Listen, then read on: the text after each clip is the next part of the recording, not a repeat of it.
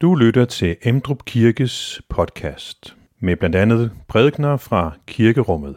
Du kan læse mere om Emdrup Kirke på emdrupkirke.dk.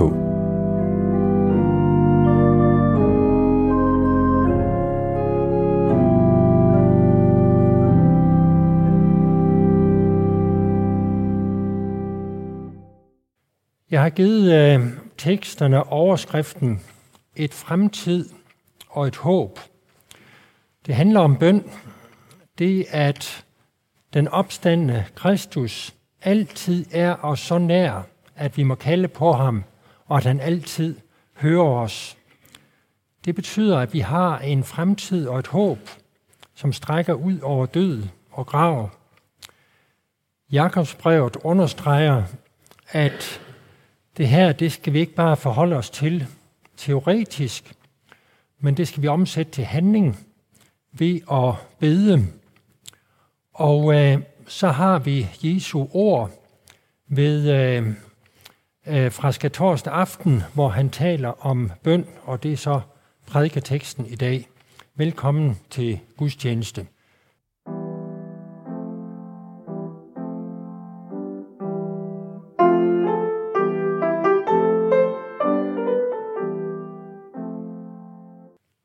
Jesus sagde, Sandelig, sandelig, siger jeg jer, beder I faderen om noget i mit navn, skal han give jer det. Indtil nu har I ikke bedt om noget i mit navn. Bed, og I skal få, så jeres glæde kan være fuldkommen. Sådan har jeg talt til jer i billeder. Der kommer en tid, der ikke mere skal tale til jer i billeder, men lige ud forkynder for jer om faderen. Den dag skal I bede i mit navn, og jeg siger ikke til jer, at jeg vil bede til faderen for jer, for faderen selv elsker jer, fordi I elsker mig og tror, at jeg er udgået fra faderen. Jeg er udgået fra faderen, og jeg er kommet til verden. Jeg forlader verden igen, og jeg går til faderen. Amen.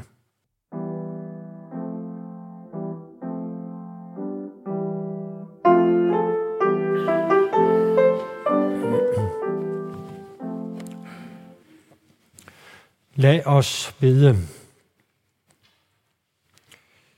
Himmelske Far og vor opstandende Herre og Frelser Jesus Kristus, vi beder om, at du vil være nær hos os nu og give disse ord en adresse til os, der er samlet her i dag. Amen.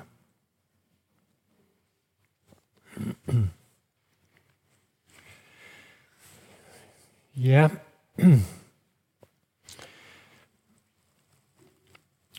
Den korte tekst, vi læste fra Jeremias bog, øh, den taler i et afsnit, som omhandler den nye pagt og Messias tiden. Og når Jeremias skal samle det, som skal ske under den nye pagt, så er det, at folket skal få en fremtid og et håb. Det havde de faktisk ikke lige i den situation, de var havnet i, men nu vil Gud give dem en fremtid og et håb – og det er forbundet med, at de kalder på ham, og at han så vil høre dem. Det er det budskab, som Jesus her gentager for disciplene den sidste aften inden hans død. Disciplene er ulykkelige, fordi Jesus skal dø, men Jesus siger, at hans liv er ikke slut med døden, der er en fremtid og et håb hos Gud. Han var hos faderen og kom til verden. Nu forlader han verden igen og går til faderen. Der er også en fremtid for disciplene. Deres håb blev knust, da Jesus døde. Men Jesus vil gerne markere for dem, at der er en fremtid også for dem. Det er der også for os. Det kan godt være, at vi skal dø om kortere eller længere tid. Men døden er ingen hindring for Guds fremtid. Døden er indgangen til tættere fællesskab med Jesus i Guds rige. Så der er en fremtid for os, uanset hvordan vort liv former sig, og uanset om vores liv bliver kort eller lang. Gud har nemlig planer for os om lykke og ikke om ulykke. Alt dette forbinder øh, Jesus med en tale om bøn. Og teksten i dag handler jo om bøn. Og øh, der skete noget med disciplene i løbet af de år, de var sammen med Jesus. Det startede egentlig med, at de var optaget af deres eget navn, deres egen vilje, deres eget lille rige, domæne, herredømme. Og så ville de gerne, at Gud ville sende Messias, for at han skulle virkelig gøre deres planer. Derfor kan Peter komme med denne fromme bøn til Jesus, dengang at Jesus fortæller om sin lidelse og død. Så siger Peter, nej herre, sådan må det da aldrig nogensinde gå dig. Og det er jo anledning til en markant irettesættelse øh, fra Jesus. Eller Zebedeus sønnerne, Jakob og Johannes, som sammen med deres mor bad om de bedste pladser i Guds rige. De var optaget af deres egne egoistiske behov. Vi kan også tage Paulus.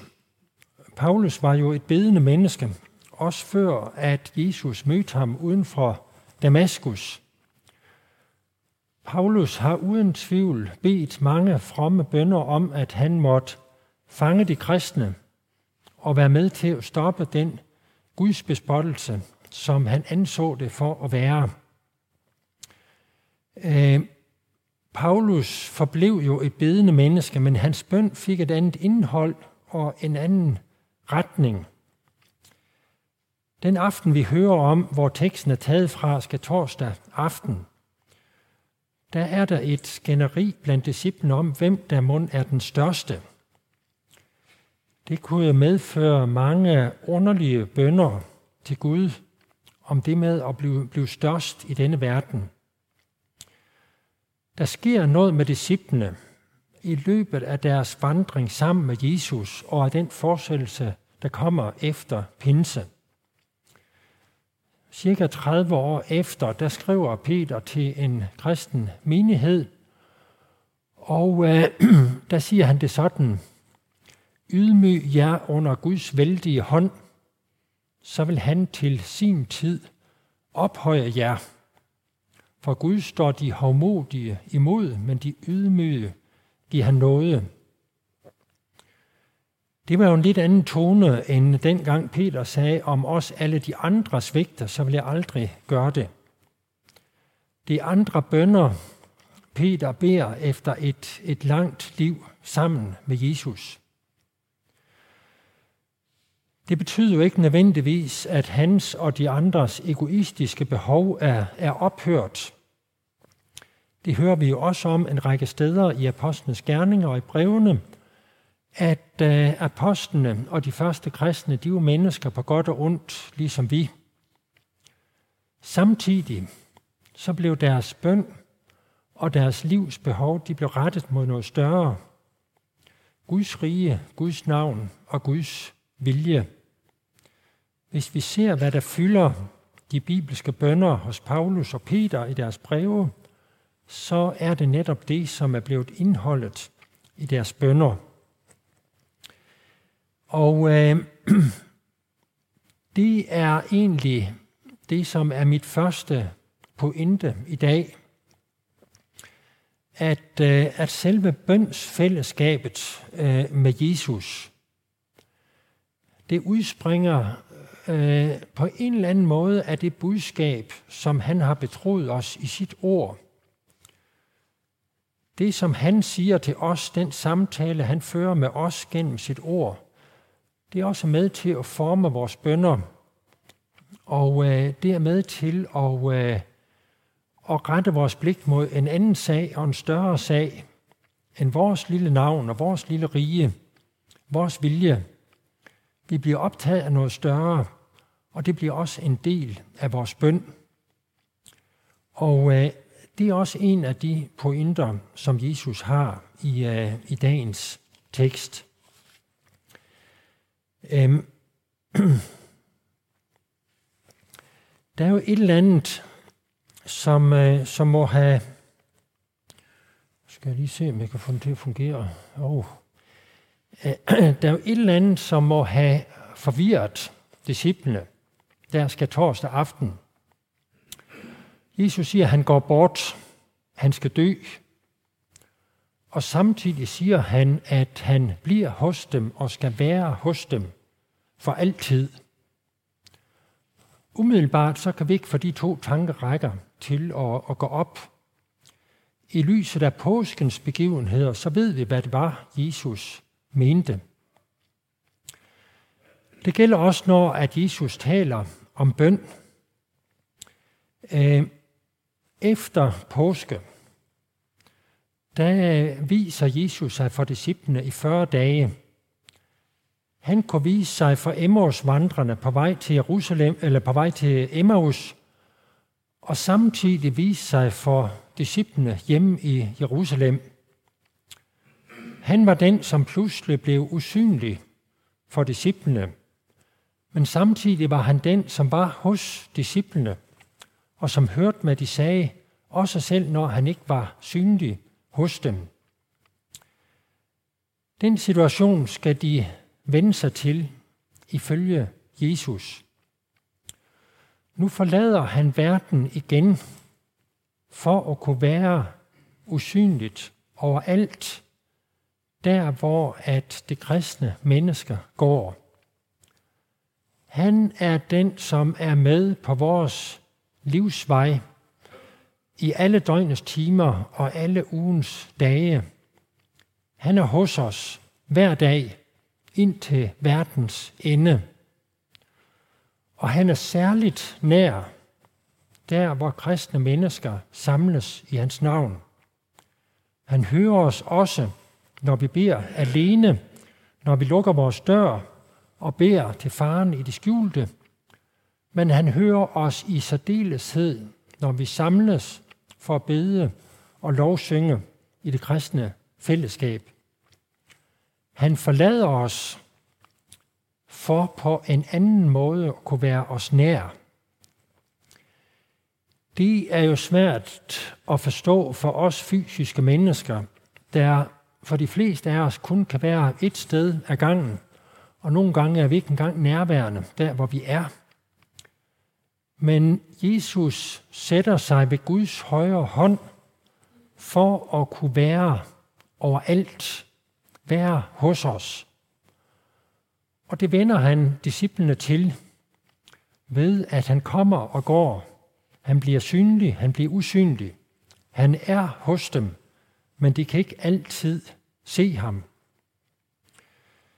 Et af de udtryk, der bruges om Jesu genkomst, øh, blandt apostlene, det er Jesu til synekomst. Det er jo et ord, der siger, at han er der hele tiden. Han er også her hos os, når vi holder Guds tjeneste. Men en dag bliver han synlig. En dag skal han komme i synlig herlighed. Og der skal han fuldføre de løfter, han har givet i sit ord. I øh,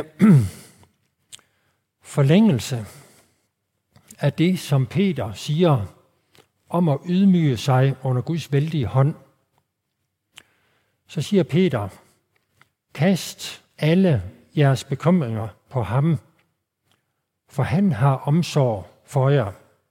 Kast alle jeres bekymringer på ham. Søren Kierkegaard, han taler om bøndens kastemaskine, fordi sådan nogen havde man nemlig før kanonerne blev opfundet. så havde man sådan en maskine, som kunne kaste kæmpestore sten ind på borgere, så man brød dem ned. Så gammel er jeg heller ikke, at jeg kan huske den tidsalder. Det eneste, jeg kender, det er en øh, flødebollemaskine. Det ved jeg ikke, om nogen af jer har set. Men øh, bøndens kastemaskine, det synes jeg er et, øh, et godt udtryk. Først lister vi alle vores bekymringer op, og nogle af os, som har en vis alder, vi har jo en kæmpe bekymringsliste, som starter lige fra morgenen af, når vi vågner. Men så omsætter vi til bøn, og så bruger vi bøndens kastemaskine til at overlade det til Gud. Så enkelt er det egentlig at bede. I samme øjeblik, vi får en bekymring, så har vi et bede emne. Jesus, han, øh, han siger det faktisk meget kategorisk her. Det siger Jamias også i teksten, vi læste før. Kald på mig, så bliver jeg svare jer. Bed, og I skal få. Det, som Jesus han siger, det er jo ikke, at i det øjeblik, vi beder, så får vi det. Ligesom hvis man har en ønskeliste, og så får man opfyldt alle ønsker her og nu.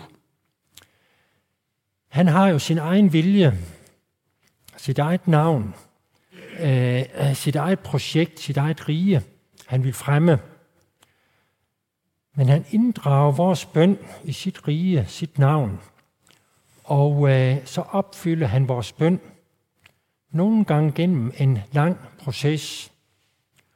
Og når vi først når til evigheden, så er det ikke en eneste bøn, som vi har bedt, som han ikke har opfyldt. Det øh, betyder jo ikke, at, øh, at bøn ikke kan være en kompliceret proces. Fordi det med, at Gud ikke her og nu give os det, vi beder om, men at vi nogle gange kan bede år ud og år ind om de samme ting, det er jo en udfordring for os. Vi, øh, vi har et øh, bibelsk eksempel med Hanna i det gamle testamente. Jeg ved ikke, hvor meget styr I har på bibelshistorien. Hanna, Samuels mor, som år ud og år ind bad om at måtte få en søn. Og så er der en gang, hun er oppe i templet og udøser sit hjerte for Gud. Og øh, hun græder og sørger og klager – så Eli, der ser hende på afstand, han tror, det er en beruset kvinde, der har forvildet sig ind i templet. Og han går hen for at tale hende til rette. Og øh, så siger Hanna, at, øh, at hun er absolut ikke beruset. Hun udøste bare sin sorg og sin klage for Herrens ansigt. Og så får Eli et specielt ord fra Gud, som øh, siger til Hanna, din, din bøn er hørt. Og så står der, at da Hanna gik sin vej, så var hun ikke længere bedrøvet. Bøn, det er nemlig ærlig snak med Gud. Det er ikke bare, at vi fortæller om vores overflade bekymringer, men det er, at vi fortæller Gud om de dybeste bekymringer og længsler, som vi har. Og så overlader vi det til ham, så hviler vi i hans ord og løfter. Øh, Hannas ydre situation, den var jo ikke umiddelbart ændret, da hun gik derfra. Det blev den så over tid, og øh, det her, det er jo beretning om Samuels fødsel og stor livsgerning i Israel.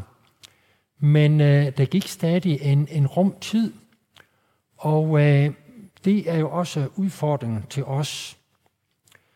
Når teksten i dag forbinder bøn og glæde, så betyder det da ikke, øh, ikke altid, at, øh, at vores bøn udspringer af glæde. Vores bøn kan også udspringe af sorg og af klage og af lidelse. Og øh, der står vi under det løfte, den som sår med gråd, skal høste øh, med fryde sang. Den, som sår med gråd, skal høste med frydesang. Fordi bøn og glæde, de hører nemlig sammen. Øh, bøn og glæde, det hører sammen. Det siger teksten ved, at den, øh, den siger, at øh, bed og I skal få, så jeres glæde kan blive fuldkommen. Og det er faktisk en af mange steder, som sammenkobler bøn og glæde. Det gør øh, teksten i øh, Jamias bog også. Jeg har tanker om lykke, og om fremtid og håb med jer, og det er forbundet med bøn. Og øh, jeg tror også på en øh, speciel måde, at Peter tog de her ord til sig. I 1. Peters brev, der siger han, at når Kristus åbenbares, så skal vi erfare en uudsigelig og forhærliget glæde. Og det ord glæde, det vender han faktisk tilbage til øh, flere gange i, øh, i sit brev. Det kan godt være, at vi her i livet skal møde prøvelser af mange slags, siger Peter. Men slutmålet, det er, at, øh, at vi skal erfare øh, den uudsigelige og evige glæde. Når Jeremia siger tanker om, øh, om lykke og ikke om ulykke, så forbinder vi ofte ordet lykke med øh, noget meget flygtigt. Det er sådan nogle få stjernestunder, som vi har ind imellem, når at, at alt ligesom som et øjeblik er godt. Men øh, når Bibelen taler om glæde, så taler den altså om en glæde, der har en, en evighedsdimension. Og, øh, og derfor bruger Peter det udtryk uudsigelig og forklaret glæde. Det overgår den flygtige glæde og lykke, som hører vores jordeliv til. Her og nu, så er glæde nemlig forbundet med sorg og med lidelser og med trængsler. Men en gang, så skal øh, glæden være inderådende. Øhm,